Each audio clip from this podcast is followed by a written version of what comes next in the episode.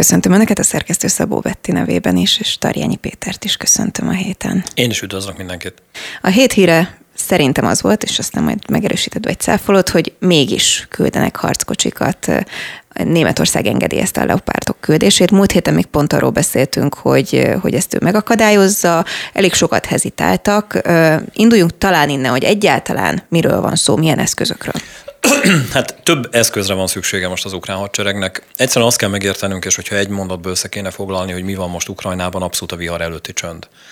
Mindkét ország, tehát Oroszország és Ukrajna készül arra a hát szakértők szerint döntő összecsapásra. Én nem mondanám azt, hogy ez a mindent eldöntő összecsapás, de egy nagyon komoly fejezete jön most a háborúnak. Egyszerűen azért, mert hogy az elmúlt egy évben, hogyha lehet így egy ilyen rövid összefoglalót tartani, igazán Ukrajna azt mutatta meg, hogy igenis helyt tud állni, és azokkal a nyugati technológiákkal, saját fejlesztésekkel, időnként sufni tuning, de, de ennek ellenére működő katonai eszközökkel, bizonyos helyzetekben megállította, sőt, egyes hadjárati elemeknél meg is verte az orosz hadsereget.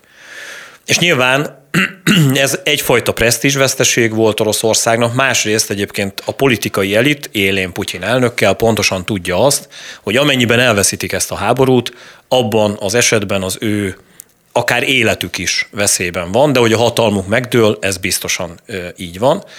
És tulajdonképpen mindent egy lapra föltéve Oroszország készül arra az összecsapásra, ahol mindenfajta hegyet, völgyet megmozgatva olyan erőforrásokat mozgósít, amin keresztül úgy gondolja, hogy meg tudja törni az ukrán ellenállást. Ez az, amivel egyébként a nyugat, egyébként Ukrajna is tisztában van. Nem valami nagyon-nagyon komoly hírszerzési jelentést olvastam, hanem egyszerűen ezt a felek látják a kommunikációban, illetve hát rengeteg olyan fejezete van ennek a mostani hadművelet sorozatnak, például Fehér Oroszországban egyre nagyobb ütemben működik az orosz felkészítés, egyre több vadászgép jelenik meg Fehér Oroszország területén.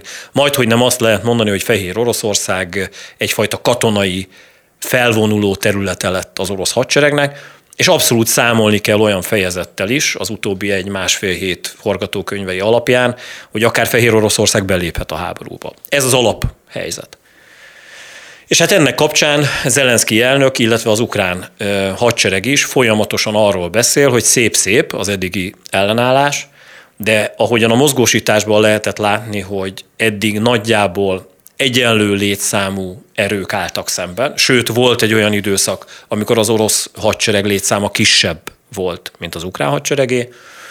Az utóbbi időszakban most azt mondom, hogy egyfajta ilyen egál helyzet alakult ki, viszont Oroszország a régi szovjet stratégiát alkalmazva szeretne az egy ukrán védővel szemben háromszoros túlerőt biztosítani, amihez kapcsolódóan olyan hírek is fölröppentek, hogy további részleges mozgósítás történik Oroszországban.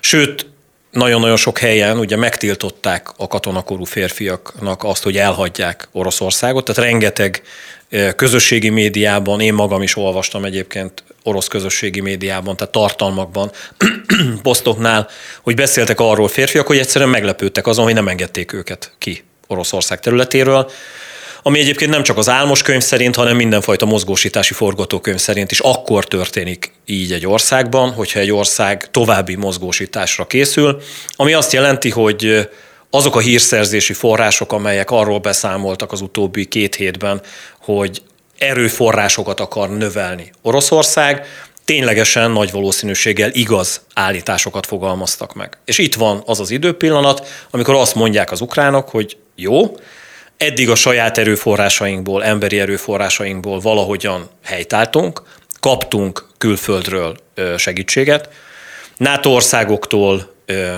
az Európai Uniótól pénzügyi segítséget, tehát számtalan formáját a segítségnek. Ennek egy része katonai segítség volt, de humanitárius segítségről is beszélhetünk. De ha ez tényleg ez az erő, tehát az egy ukrán katonával szemben három orosz katona jelenik meg, és ehhez megfelelő technikai eszközök is biztosítva vannak. Egyszerűen matematikáról beszélünk. Tehát lehet helytállásról, taktikákról, mindenről. Ha nincs megfelelő műszaki tartalma az ukrán hadseregnek olyan mértékű, jobb minőségű katonai eszközparkja, amivel egy ilyenfajta túlerőt le lehet győzni, akkor Ukrajna veszíteni fog. Tehát, hogy ezzel van tisztában Ukrajna. És ennek az egyik nagyon fontos eleme, ugye három fegyvernemről beszélünk, a szárazföldi haderőről, a szárazföldi haderőbe egyébként beleértem a tüzérséget is, a lég, légierőről és a hozzákapcsolódó, lé, hozzákapcsolódó légvédelemről és a haditengerészetről. Utóbbival egyszerűbb foglalkoznunk, mert hogy ott igazán nincs ö, támogatás, elsősorban hírszerzési támogatások oldaláról látható az, hogy az ukrán haditengerészet próbálkozik, de azóta, amióta a Moszkva ö, cirkáló, vagy nem is tudom, fregat, cirkáló volt szerintem egy rakétahordozó cirkáló, elsüllyedt, ami ugye egyébként vezérhajója, zászlós hajója volt a Fekete-tengeri orosz flottának. Igazán én azt mondom, hogy tüzérségi csapások oldaláról használja a haditengerészetét Oroszország, de az a fajta hadműveleti, stratégiai terv, amiben Ogyessa térségében partraszállást tervezett Oroszország, ez elúszott. Tehát, vagy pontosabban elsüllyedt azzal, hogy a Moszkva cirkáló elsüllyedt. A légvédelem tekintetében patriot rendszereket kap Ukrajna, Hollandiától már úton van, az Egyesült Államokból további ilyen rendszerek érkeznek, illetve érkeztek is, és nagyon komoly fejlesztéseket hajtott végre a saját rendszereit tekintve Ukrajna, aminek keretében azokat a folyamatos drón és rakétacsapásokat próbálja kivédeni Ukrajna, amivel a kritikus infrastruktúrát Oroszország támadja. A másik nagyon fontos rész ugye a vadász repülőgépek és a repülőerők ezzel kapcsolatban nem kapnak segítséget, tehát ugye ez egy kritikus pont. A hét másik nagy híre volt, hogy próbálkoznak ugye F-16-os repülőgépekkel. Igen, pont, pont ezt a cikket olvasom most is, behoztam volna, hogy, hogy erre van esélyük, és ez mit most jelent? nincs. Most nincs. Egyszerűen azért, mert olyan döntő erőfölényre tenne szert ebben az esetben Ukrajna, és annyira képes lenne adott esetben akár orosz területeken és támadásokat végrehajtani, amelyeknek jó részét nem tudná Oroszország a térségben kivédeni, ami automatikusan hozna egy olyan orosz ellenválaszt, ami nagyságrendekkel erősebb lenne. Nem tömegpusztító fegyverekre gondolok, hanem adott esetben egy teljes mozgósításra, amiben egész Oroszországnak is esik Ukrajnának. Tehát ez nem érdekel a nyugatnak, és van a az utolsó, tehát direkt így haladtam a szárazföldi haderő, amiben ugye a tüzérséget folyamatosan fejlesztette a nyugat, HIMARS rendszerekkel, egyéb más rakétavető rendszerekkel, és eljutottunk odáig, hogy igenis szükség lenne olyan páncélozott szállító harcjárművekre, Bradley, Marder típusú, tehát a Bradley ugye egy amerikai típusú harcjármű, a Marder az pedig német, és eljutottunk a harckocsik témaköréhez, amiben minőségi harckocsikkal akarja felvenni a harcot Ukrajna Oroszországgal szembe, egyszerű logika mentén, mert hogy olyan 70-es, 80-as évekbeli technológiákat vett be Oroszország, amelyeket, most ez egy erős túlzás nyilván a részemről, ezek a fejlett,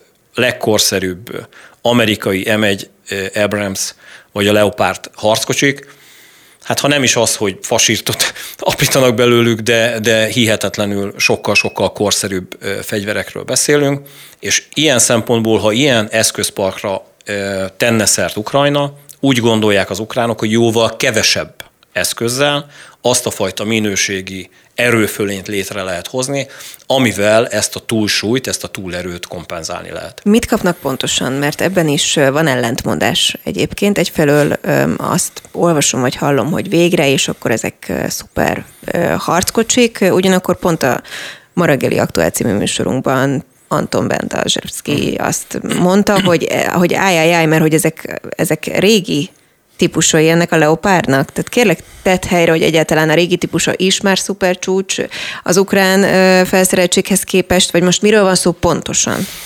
Jó. De mi nem jogos, hogy azt kérem, hogy mondjuk el? Nem, nem, nem, nem ezen mosolygok, csak azon mosolygok, amikor, amikor megfogalmazódik egy olyan mondás, hogy, hogy ezek az eszközök áj, áj, áj, ezek nem korszerű eszközök. Tehát, hogy tegyük ezt helyre. Tehát az, ami orosz oldalon mozgósítási szempontból és tartalékok oldaláról fölbukkant, az ténylegesen így van a 70-es, 80-as évek technológiája. A Leopard harckocsinak több változata ismert. Ugye van a Leopard 1-es, az ténylegesen egy régebbi típusú valami, de azt nem szabad elfelejteni, és ez amivel a biztonságpolitikai szakértők nincsenek tisztában, hogy egy védekező háborúra fölkészülő haderőnek egy ilyenfajta harckocsi azért lehet jó eszköze, mert egyszerűen beássák a földbe, és gondold el, hogy van föld, és van még a páncélzat, és hihetetlenül nehéz elpusztítani egy ilyen eszközt. Még adott esetben olyat is, ami 50 évvel ezelőtti. Ez az De nem erről van szó, hanem a Leopard 2-esről. Pillanat, hadd menjen Jó, végig. Okay. A Leopard 2-esnek 7 változata van. Tehát ugyanúgy, mint ahogy egy autónál van több évjárata, úgymond az autónak, Ebben a legkorszerűbb a Leopard 2A7-es harckocsi. Ilyet rendelt egyébként Magyarország is, 44 darabot, amelynek a gyártása folyamatban van Németországban, és majd valamikor az elkövetkező három évben megkapjuk. Általánosan a NATO országok Leopard 2A4-es, tehát 4-es harckocsikkal rendelkeznek. Ezek a harckocsik az orosz T55, T64, T72, T80 és a T80-nak különböző változatait mind, tehát az, amiről azt mondja a szakértő úr, hogy, hogy régi, igen, régebbi technológia, de ez a régebbi technológia is tulajdonképpen az orosz haderő harckocsi állományának 80%-a fölött van minőségi szempontból. Van a T90-es orosz harckocsi, ami egyébként a Leopard kettő A4-es harckocsinak méltó ellenfele, de egyszerűen attól, hogy egy harckocsi 20 évvel ezelőtti, ezeknek az A4-eseknek is például a tűzvezetési rendszerét, a kommunikációs rendszerét az utóbbi években frissítették. Tehát attól, hogy valami 20 évvel ezelőtt készült, ezeknél a haditechnikai eszközöknél egyes belső rendszereket annyira föl lehet tuningolni, hogy egyébként a mostani legkorszerűbb orosz harckocsikkal is felveszik a harcot. És emellett egyébként Leopard 2 A6-os harckocsikat is a NATO-ból több ország, Lengyelország is, és egyébként Finnország is át akar adni. Ezeknek egyébként egyik sem ellenfele. Egyszer, ez a Leopard. A másik, hogy azért ne felejtsük el, hogy van brit felajánlás is. A, brit, a britek oldaláról Challenger harckocsik érkeznének, ezek azért méltó ellenfelei az orosz harckocsiknak, mert hogy ezek a világ legnehezebb harckocsiai, 70 tonnát nyom, ami egyébként nem annyira jó az ukrán sárban, viszont majd, hogy nem azt lehet mondani, hogy elpusztíthatatlan. Tehát egy olyan páncélos szörnyeteget képzelj el, ami, ami tele van páncélzattal, kompozitanyagokkal, olyan fajta aktív és passzív védelmi rendszerekkel, amelyek ilyen támadásokat, amelyeket az oroszok ö, tudnak most per pillanat páncélelhárítás oldaláról, képes kivédeni. Egyébként ebből kevés jut, és van igen az M1 vagy az M1 Abrams, amit az Egyesült Államok ad át, ebből ugye 31 darab érkezik Ukrajnába, erre azt mondta csak akkor, hogy akkor ezzel is vagy vitatkozzál, vagy tett helyre, vagy, vagy adj igazat, hogy, hogy ezek túl nagyok, vagy túl erősek, vagy túl, túl Igen. nehezek. Túl, túl. Túl, túl, túl, túl. Igen. Ami az M1 Abramsnek a problémája, az az, hogy 60 tonnás járműről hmm. beszélünk. A Leopardot azért szeretik, mert a Leopard egy közepes harckocsi. A Leopardnak a tüz, ö, üzemanyaga dízel, tehát egyszerű dízel, jó minőségű dízel, gázolaj, amit egyébként az autótba tankolsz, tehát hogy ilyesmiről beszélünk. Az M1 Abramsbe kerozint, tehát repülőgép üzemanyagot kell tankolni, ami nyilván sokkal nehezebb harctéri körülmények között. A tárolása, egyáltalán a szállítása, kicsit azt mondanám, hogy ilyen nagyon-nagyon finom műszernek mondanám az M1 Abrams-t, viszont azokban a napokban, amikor jól működik egy ilyenfajta harckocsi zászló vagy harckocsi ezred, igazán nincs ellenfelük a térségben. És van a Challenger, ami egyébként nehezebb, mint az amerikai harckocsi. Igazán mindegyik harckocsihoz kapcsolódóan az egy óriási probléma, hogy milyen időjárási viszontagságok között vetik be őket, de azt gondolom, hogy bármelyiket is, ha nézzük, per pillanat az orosz oldalon a T-90-es harckocsi az, ami egyedül föl tudná venni velük a, a küzdelmet, viszont ebből is kevés van. És egyébként ott van még egy nagyon-nagyon fontos helyzet, és itt pontosítanék megint csak, hogy Ukrajna nem támadó hadműveletekre készül. Tehát most gondold el, hogy Az egy a hármas arányt szokták mondani, hogy arra van szükség, hogyha körülbelül az, a, az erőegyensúly fönnáll. Tehát egy ukrán kiiktatásához három orosz katona szükséges. Ha ez az ukrán katona jól felkészített, megfelelő felszerelése van, ez fölmehet ez az arány egy a tízhez. 10-12 ember. Tehát magyarán, és ez a harckocsikra is igaz. Tehát egy ukrán harckocsival szemben 10-12 olyan orosz harckocsinak kéne megjelenni, ami paritásban van, tudásban és, és adott esetben műszaki tartalomban is. Ha ez nincs, akkor ezek elpusztulnak. És ezért lényeges az, hogy az ukránoknak ténylegesen 100-150 darab ilyen védelemre felkészített harckocsi biztosítja azt, hogy 1000-1500 darab ellenséges harckocsit semlegesítsenek, és ez a térségben, ha bekövetkezne Oroszországnak nyilvánvalóan veszteséget jelentene. Na, akkor foglaljuk össze most, hogy már itt tudjuk, hogy mi micsoda, hogy ez a 14 darab, hogy akkor egyébként a hírek ebben pontosak-e, hogy 14 darab Leopardról van szó? 14 darab Challengerről, 10, 18 darab Leopard 2-t ajánlott föl Németország, valószínűleg lesz még több, tehát megközelítőleg 80 darab Leopard 2-es és Leopard 1-es érkezik.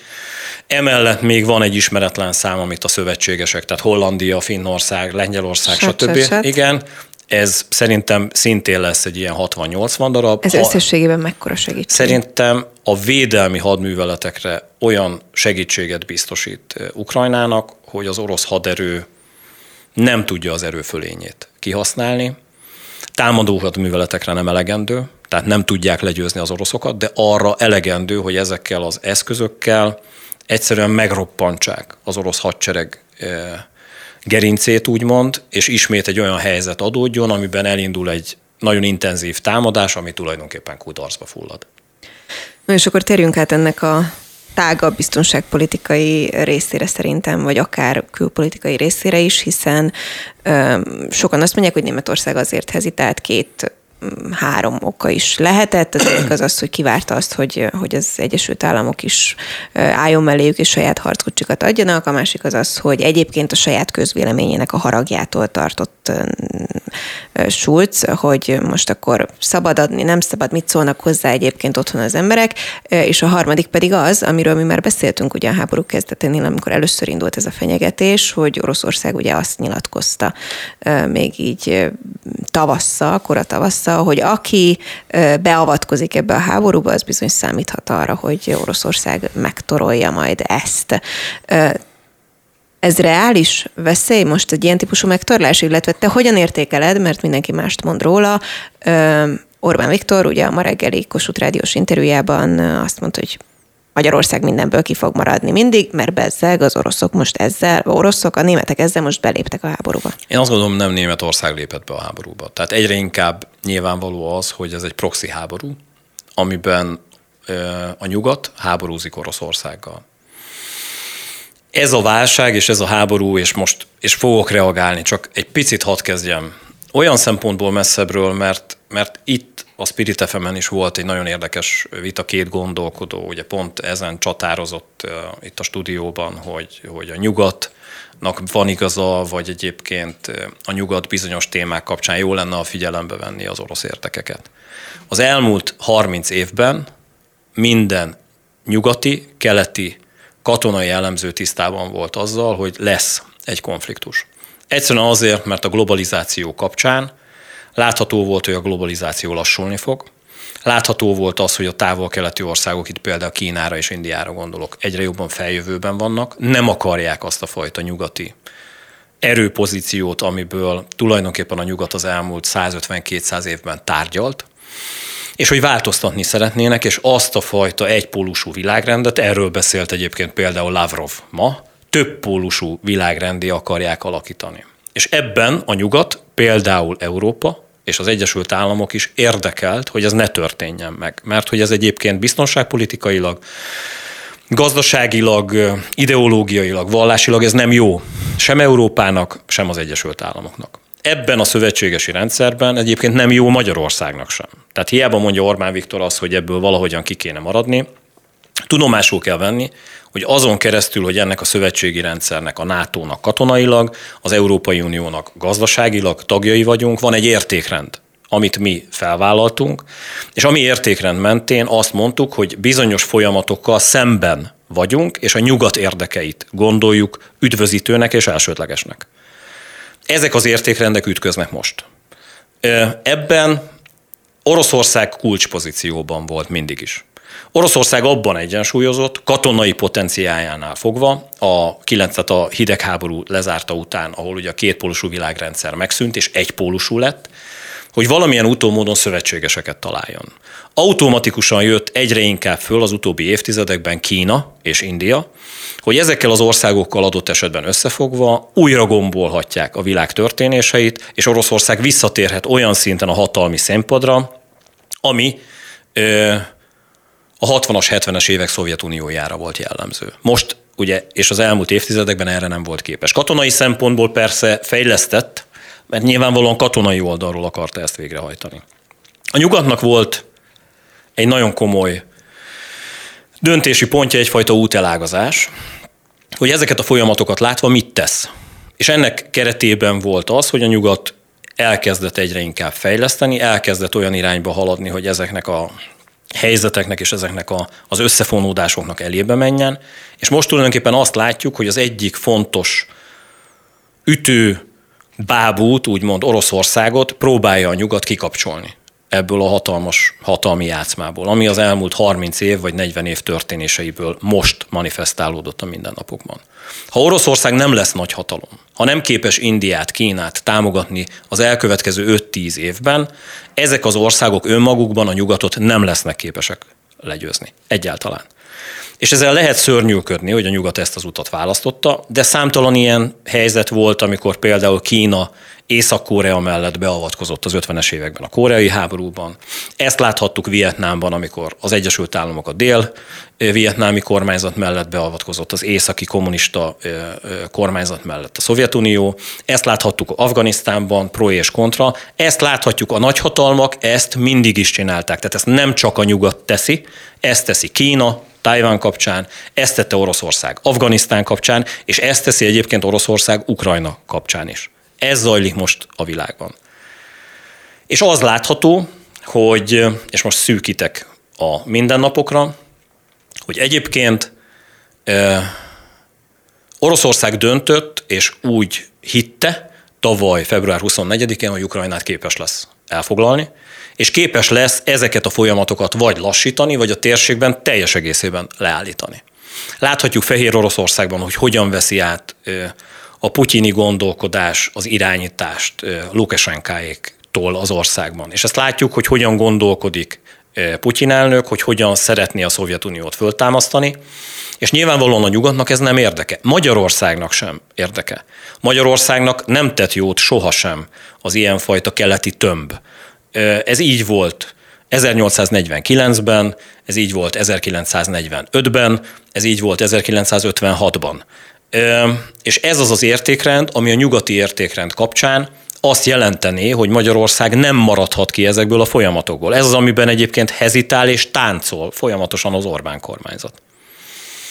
A szövetségesek oldaláról pedig egyre inkább látszódik, hogy minden egyes gazdasági lépéssel, mert hogy a háború eszkalálódik. Egyszerűen azáltal, hogy Oroszország nem hajlandó ezt a háborút abba hagyni. Egyszerűen el akarja foglalni Ukrajnát, egyre komolyabban kell jelen lenni gazdasági és katonai támogatásokban, és ennek van egy szintje. Erről beszélgettünk mi. Hogyha ezt a szintet a nyugat átlépi, akkor tulajdonképpen ebben a háborúban benne van. Ezt a szintet átléptük.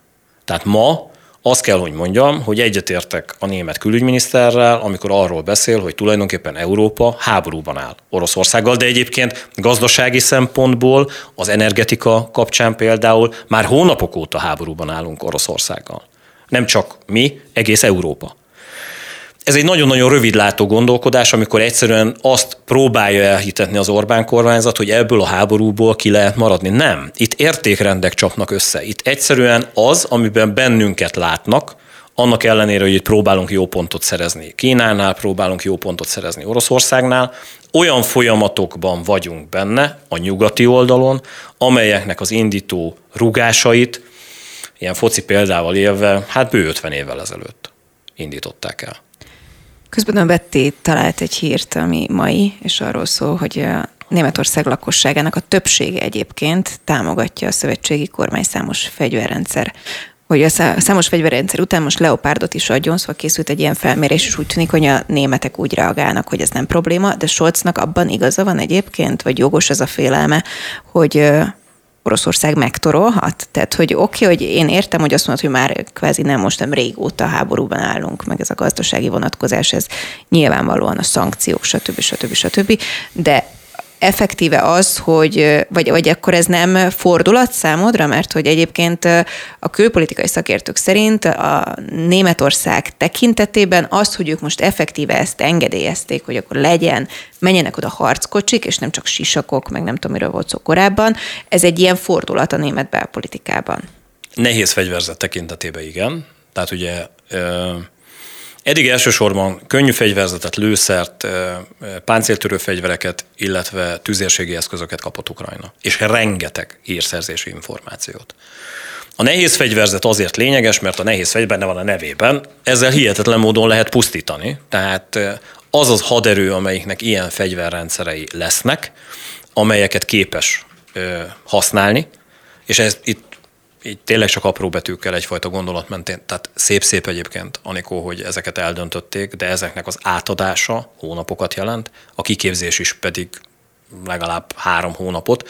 Bár az ukránok becsületére legyen mondva, harci körülmények között ilyen 5-6 hónapos kiképzéseket egy hónap alatt zavarnak le, és egy hónap alatt sajátítanak el ilyen fej, bonyolultabb fegyverrendszereket. Most, hogy jól kezelik, rosszul kezelik, teljesen mindegy, de hogy harcolni tudnak velük, de ez is idő, tehát ez az apróbetűs rész. És igazán azt kell látnunk, hogy engem azért nem lepett meg, mert az elmúlt hónapokban én azt láttam, hogy folyamatosan sodródunk ebbe bele. Egyre inkább eszkalálódott ez a, ez a bűvös. Ez belesodródás? Mert egyébként a másik Pröle Gerge is volt a mai adáson. És ő mit mondott? És ő azt mondta, hogy, hogy, hogy igen, ez egyértelműen azt jelenti, vele ugye a német belpolitikát, igen, vagy igen, ezt igen. a vonatkozását beszéltük ki reggel, hogy hogy igen, ezzel kvázi belépett Németország a háborúba, de hogy ő úgy fogalmazna, hogy ez hangsúlyos, hogy nem belépett, hanem bele sodródott, és ez sokkal ijesztőbb számára, ő ezt mondta, mint hogyha valaki határozottan dönti így. Tehát, hogy sodródunk valami fele. Így van, ezt többször mondtam én is, itt ebben a stúdióban. Téged is szoktalak emlegetni más műsorokban. Köszönöm nyugi. szépen. Hát most figyelj, ezzel nincs probléma. Azt kell értenünk, hogy azzal, hogy Oroszország annak ellenére, hogy pokoliak a veszteségei, az, hogy egyébként a támadásaiban visszaszorították több ütemben az elmúlt egy évben az orosz haderőt, hogy nem a tárgyalásos megoldást választja, hanem egyre inkább azt mondja, hogy próbálkozik, még keményebben, mert győzni akar. Még több fegyverrel, még több katonával, még több pusztítással, sat, sat, sat, tehát nem sorolom ez automatikusan hozza, hogy egyszerűen a felek nem akarnak és nem tudnak egymással megállapodni. Nem tudnak. Itt nagyon-nagyon-nagyon sok vérnek kell még folyni, és rengeteg embernek meghalni, mindkét oldalon, hogy egyszerűen azt érezzék a felek, hogy, hogy van értelme a tárgyalásnak. Mind a két oldal azt gondolja, az ukránok is, hogy képesek lesznek legyőzni az oroszokat. Az orosz politikai elit pedig azt mondja, hogy hát Oroszországnak hihetetlen erőforrásai vannak, Oroszországot nem lehet legyőzni, Oroszország képes lesz Ukrajnát elfoglalni és meghódítani, és egyébként valahol ez kényszerpálya Putyinéknak, amin menni kell. És innentől kezdve ezért jó szó erre a sodródás, mert ténylegesen nincsenek észérvek, nincs semmi, hanem egyszerűen egy olyan helyzet van, amiben a felek a harcmezőkön akarják eldönteni, hogy kinek lesz igaza, és az az elkövetkező hetekben meg fog történni. Közben egyébként a beszélgetéshez kapcsolódóan mm, kérdezett egy hallgató néző is, hogy az lehetséges-e, hogy az oroszok még azelőtt akarnak támadni, hogy ezek a tankok megérkeznek. ez is, ez, ez a is, vihar előtti csend, ez... Ez egy, ez egy kényszerpálya. Ha ránézünk erre a helyzetre, két-három forgatókönyv van. Van az egyik forgatókönyv, amiben egyszerűen az orosz stratégiai gondolkodás, kitűzött egy ütemtervet, és ezen mennek végig az oroszok. Nyilván ezt meg lehet tudni hírszerzési szempontból, hogy mik azok az időnormák, amiben Oroszország gondolkodik. Erre lehet jobban készülni, és hát lehet támogatásokkal egyszerűen fölerősíteni egy mondatban az ukrán hadsereget. Ez az egyik irányzat. A másik, amiben azt mondják az ukrán oldalon, megszerezve ezeket az információkat, hogy valami hihetetlen sebességre kapcsolnak, és elkezdenek még jobban fölkészülni, hogy ténylegesen pokollá változtassák az orosz hadseregnek a támadás utáni időszakot. Nyilván ezt az oroszok is végig gondolják, és nekik is ez egy ilyen versenyfutás az idővel, mert hogy dehogy akarják ők megvárni azt az egy hónapot, három hónapot, hat hónapot, tök mindegy, amiben az ukrán hadsereg ilyen szintű tudással bír, és minél hamarabb végrehajtani a támadást. De ez egyébként lehet rossz. Egyszerűen azért, mert nincsenek felkészülve. Tehát van egy, egy, egy jól végrehajtott hadműveletre való felkészülésnek van egy időnormája. Ezt nem lehet végtelenségig gyorsítani. Persze lehet bizonyos folyamatokat fölpörgetni, de az, hogy egy hónap van egy felkészülésre, és utána egyszer csak a vezetés azt kiadja, hogy holnap támadunk, ez biztos recept a kudarcra. Tehát ezt most mondom. Ezzel egyébként az orosz stratégák tisztában kell, hogy legyenek. Ettől még születhet ilyenfajta politikai döntés, ami azt jelenti, hogy vágóhídre küldik az orosz katonákat. E közül a három forgatókönyv közül fogunk valamit látni az elkövetkező időszakban.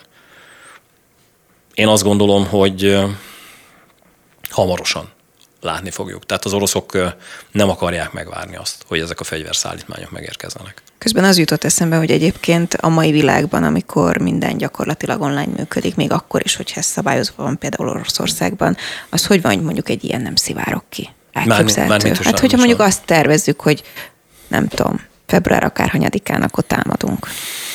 Nézd, ö, nyilvánvalóan hát Ennyire atombiztos egyébként De, az orosz hadsereg? Nem, nem, nem. nem. Tehát én azt hiszem, hogy beszédes volt 2021 ősze, amikor folyamatosan az Egyesült Államok hírszerzése, miközben a világ jó része nem hitte el, folyamatosan szolgáltatott olyan információkat, amelyek arról szóltak, hogy igenis Oroszország támadásra készül.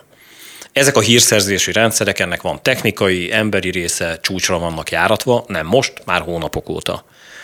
Én azt hiszem, hogy Ukrajna pontosan tisztában lesz azzal, hogy milyen támadási irányokban mi várható az orosz hadsereg részéről. Ezért van az, hogy az orosz hadsereg elsősorban arra törekszik, hogy olyan döntő erőfölénybe kerüljön, ami lehetőséget biztosít arra, hogy hiába tudja az ellenfél, hogy mikor jön a támadás, akkor is ez az erőfölény egyszerűen ledarálja a másik oldalt.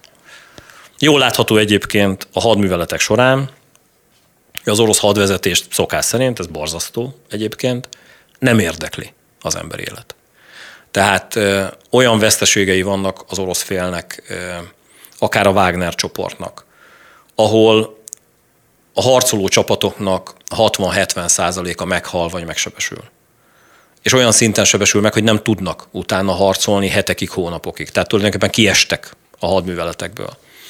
Ezért gondolom azt, hogy az elkövetkező időszakban szüksége lesz további mozgósításra Oroszországnak, ami egyébként a társadalmi feszültségeket napi szinten növelni fogja Oroszország lakossága oldaláról. Na még egy kérdés ehhez, mert Bettiben is felmerült egy kérdés ezzel kapcsolatban, hogy ugye mondtad, hogy hirtelen nem lehet a kiképzéseket, felkészülést mm, elindítani, de mi van, hogyha már hónapok óta zajlik, ezt csak nem tudunk róla? Vagy Ré- tudnánk róla? Tudnánk róla, és részben egyébként zajlik, tehát például Fehér Oroszországban megközelítőleg öt hónapja már a felkészítés folyamatban van, de jól mutatja azt, hogy egyébként milyen állapotban van a fehér orosz hadsereg a négy-öt havi felkészítés után az orosz kiképzők még nem tartják alkalmasnak a fehér orosz haderőt arra, hogy szembeszálljon Ukrajnával. Tehát uh, itt, uh, és ezért mondom azt, hogy, hogy valahol kényszerpályán van az orosz hadsereg. Tehát kiadhatják a politikai utasítást, hogy holnap támadunk. De most gondold el egy olyan haderővel támadni, amelyik három-öt hónapja van képzésen, és még mindig azt mondják, hogy nincsenek készen. Ezek az emberek akkor nem fognak eredményt hozni, és jó eséllyel meghalnak. No, kíváncsi vagyok még egy ehhez kapcsolódó hírnél a véleményedre. Donald Trump is megnyilvánult ugyanis. A, a reggel? Az, a Spirit FM. A Spirit FM. Hát szoktam mint együtt. Ezzel azzal tudod, néha behozom itt, de haragszol, hogyha más véleményt is rákérdezek. De, de szóval Donald Trump azt nyilatkozta azzal kapcsolatban, ugye, hogy a németek küldenek leopárdokat, hogy tájájáj, nagyon aggódik, hogy az eszkalációhoz vezet, és ő így fogalmazott, hogy először jönnek a tankok, aztán az atomtöltetek. Inkább vessünk véget ennek az őrült háborúnak most. Jó, ez egy jó mondás. Ezt a háborút nem Ukrajna kezdte, tehát ugye a, a fegyveres harcot Oroszország kezdte, erről már sokszor beszéltünk. Az, hogy eszkalálódik a helyzet, ezzel újat nem mondott az Egyesült Államok volt elnöke, mert hogy ezt folyamatosan látjuk, egyszerűen azért, mert Oroszország nem akar tárgyalóasztalhoz ülni valójában.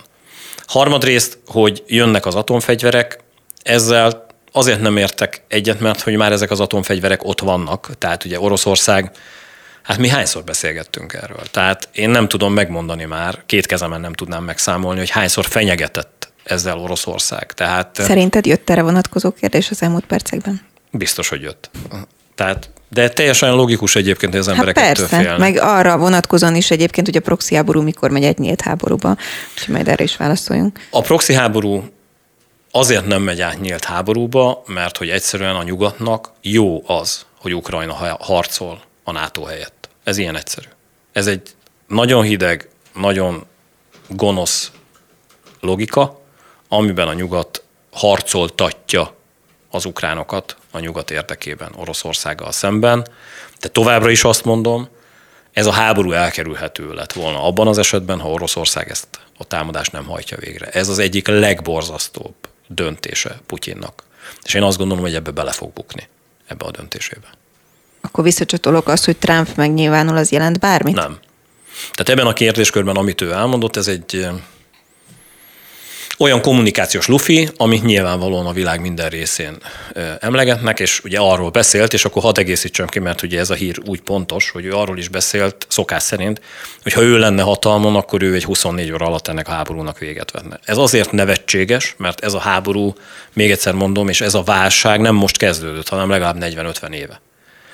Tehát ez, ez, ez a... De lehet, hogy ő ilyen szuper tehetség. Lehetséges. Hát van, aki ebben jó, van, aki abban, hogy megmondja, hogy hónaptól egy hogy egy legyen az infláció mindenki. Jó, ezek a kijelentő gondolkodások, ezek általában nem működnek a történelemben. Tehát, hogy ezt általában a történelem felülírja. És én azt gondolom, hogy nála is ez valahol tiszta kell, hogy legyen. Vagy ha nem, akkor az az ő hibája.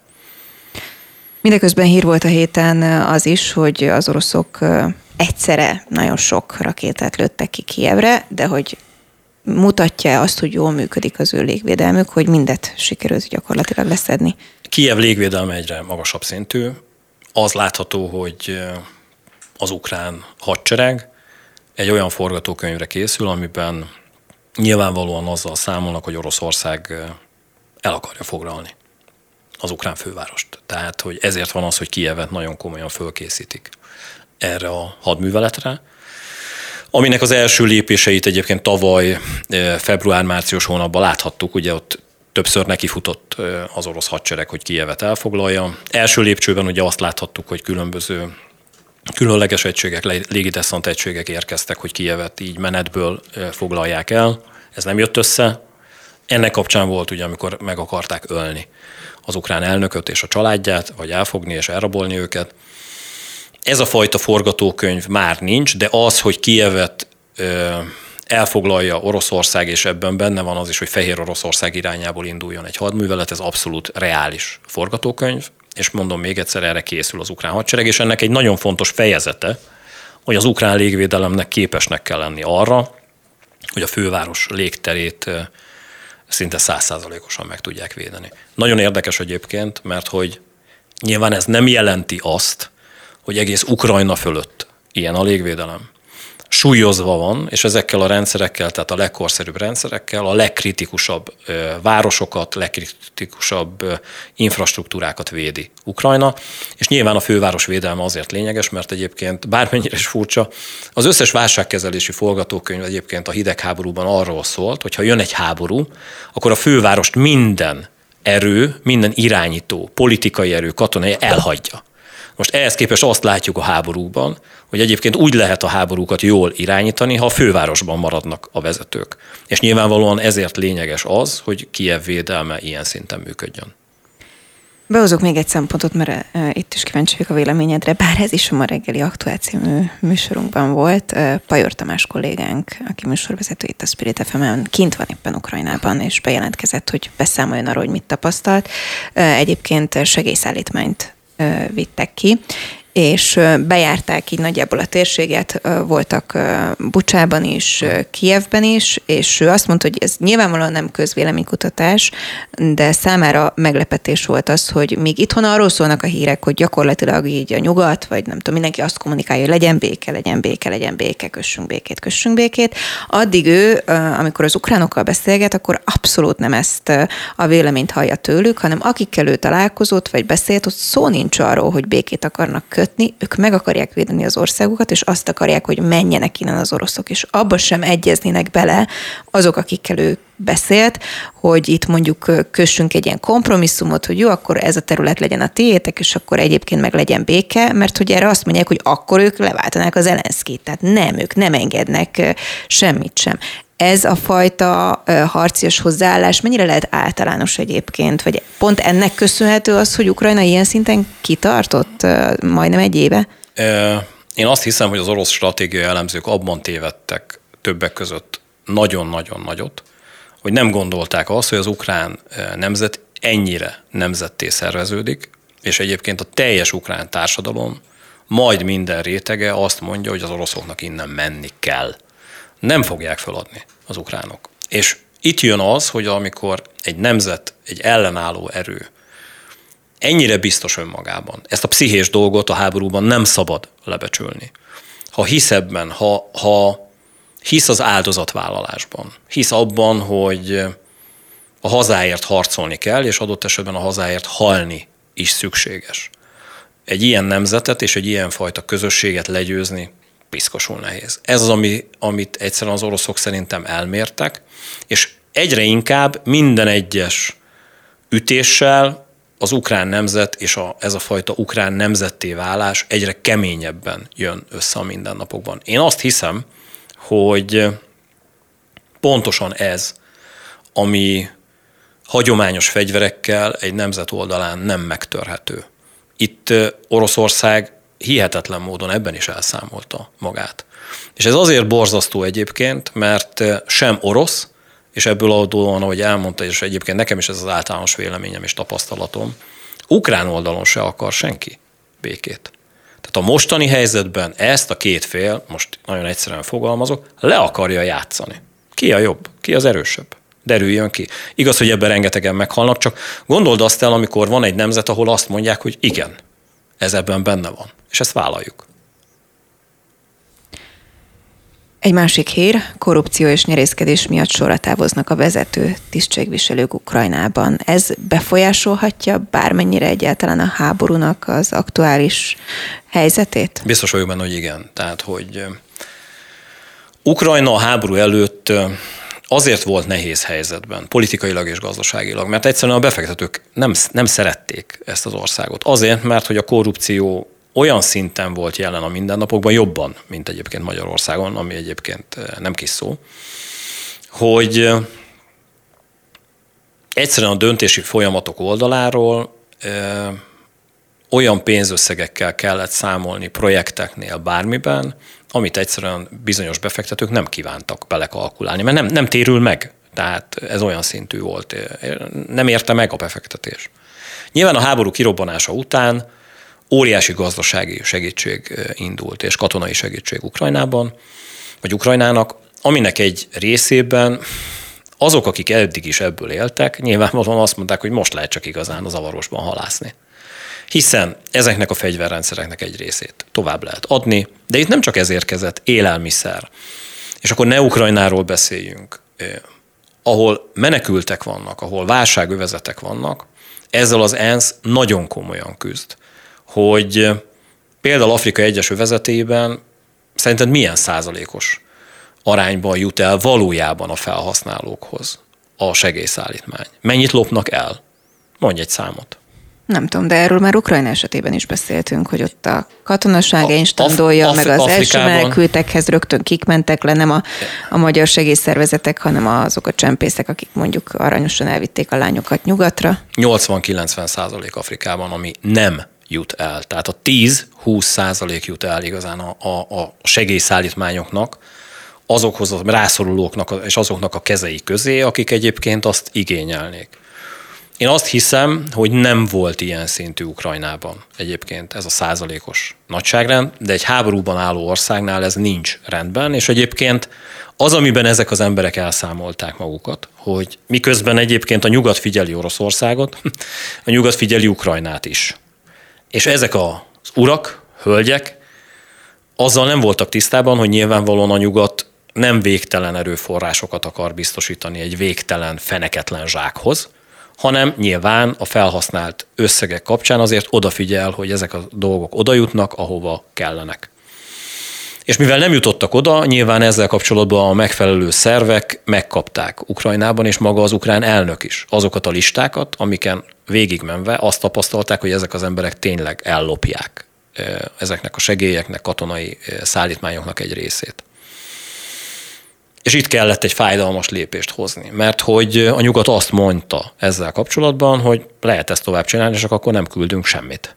Tehát Zelenszky egyfajta kényszerpályán volt, és ezért lépett, ami azért kemény, mert bizonyos területeknek olyan véleményvezéreit, irányítóit váltotta le, akik egyébként az elmúlt hónapokban azért végezték a munkájukat. Tehát ez egy ilyen kettős helyzet, tehát hogy az egyik oldalról lopnak, de a másik oldalról végzik is a munkájukat. Ezek az emberek most az elkövetkező napokban hiányozni fognak a rendszerből. Nyilván ezt Ukrajnának pótolni kell, de ugye erre mondja azt a nyugat, hogy még maga Ukrajna is, hogy az ilyen emberektől mentse meg a jóisten bennünket, hiszen az ellenségeinkkel elbírunk saját magunk is, csak az ilyen barátokkal kell nagyon-nagyon óvatosnak lenni. Olvastam még egy cikket vagy nyilatkozatot a héten, és szeretném, hogyha erről is elmondanád a véleményedet. Földi László titkosszolgálati szakértő nyilatkozott, és számomra furcsa volt, hogy ő azt mondta, hogy amit most látunk, az nem háború, hanem egy fegyveres konfliktus. Én szerintem egy háborút látunk. Mi a különbség egyébként? Hát a fegyveres konfliktus az egy jól behatárolható, rövid, tehát hogy mondjam, annak a, a a ciklikusságát, annak az időszakaszait, tehát számtalan olyan dolog van, amit látsz úgymond előre. Én azt mondom, hogy ennek a háborúnak a szakaszait nem lehet előre látni, sőt, én arról is beszélnék, és ez is megérne adott esetben egy, egy hosszabb beszélgetést, csak most itt lehet, hogy az idő rövidsége miatt ez nem lesz annyira jó, hogy én azt hiszem, hogy válságok és háborúk sorozata várható itt az elkövetkező 10-15 évben aminek ez egyfajta felvezető háborúja, konfliktusa, összeütközése Oroszország és Ukrajna között, Oroszország és a nyugat között. Ebben lesznek majd ilyen lecsengő részek is, amikor kvázi azt gondoljuk, hogy béke van, de egyszerűen az a fajta, ami a mai beszélgetésünkben ugye többször fölmerült, válság és az a fajta háborús magok, amelyek 40-50 évvel ezelőtt így elhintődtek így a, a talajban, ezek mostanra szökkentek szárba, és én azt gondolom, hogy ezek a bolygó számtalan részén, a távol-keleten, most így Európában, proxy háborúban vagy nyílt háborúban meg fog jelenni. Putyin egykori szövegírója írt egy véleménycikket a napokban, és ő azt Olvastam. Azt, azt írja, akkor a hallgatóknak elmondom, mert nem biztos, hogy mindenki olvasta, hogy sor kerülhet szerint egy katonai pucsra Moszkvában. Te ezt mennyire tartod reálisnak? Most nem. Nagyon komolyan erő oldalról fogják az egész orosz társadalmat, tehát hogy most erre ráült a teljes titkosszolgálati, katonai és katonai titkosszolgálati részleg de azt gondolom, hogy abban az esetben ezek a repedések, amelyek már látszódnak tiltakozásokban adott esetben, meg egy ténylegesen, hogy arról beszél egyre több ember, hogy ez a háború nem jó. Mit jelent egy katonai pucs egyáltalán egy háború közepén, igen?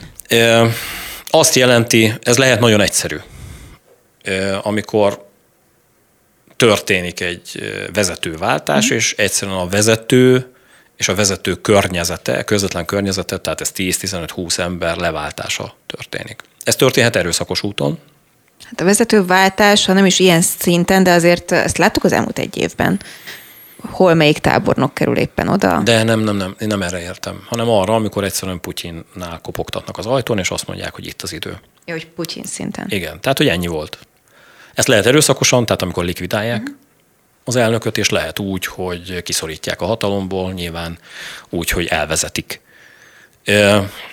És mondjuk a dácsájában kell házi őrizetben üldögélni, és hirtelen nagyon-nagyon sokan érzik meg azt, hogy, hogy az ő pozíciója zuhanó repülésbe kezdett, és az új emberrel kell jóban lenni. Ilyet láttunk sok esetben Oroszországban. Az, hogy itt tartanák, én ezt nem gondolom. Az azonban igaz, hogy elképzelhető abban az esetben, hogyha Oroszország nagyon komoly vereséget szenved ebben a hadműveletben, és rengeteg orosz hal meg, akkor ez egy elképzelhető forgatókönyv.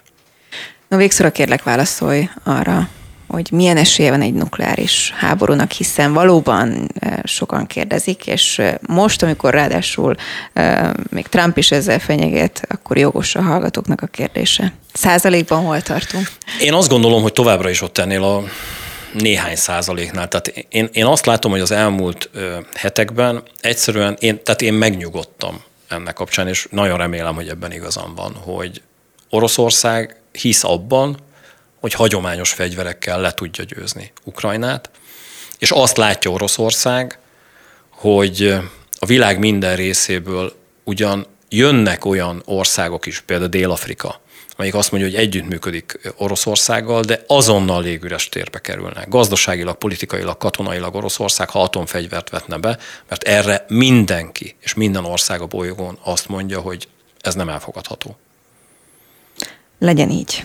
Legyen Tarjányi így. Péter, nagyon szépen köszönöm. Köszönöm szépen a lehetőséget. Szabó Betty szerkesztőnek is a segítséget, és Kammer Jonatánnak is, Jonatánnak technikai is. kollégánknak a segítséget. Önöknek nagyon szép estét és jó hétvégét kívánok. Kellemes hétvégét.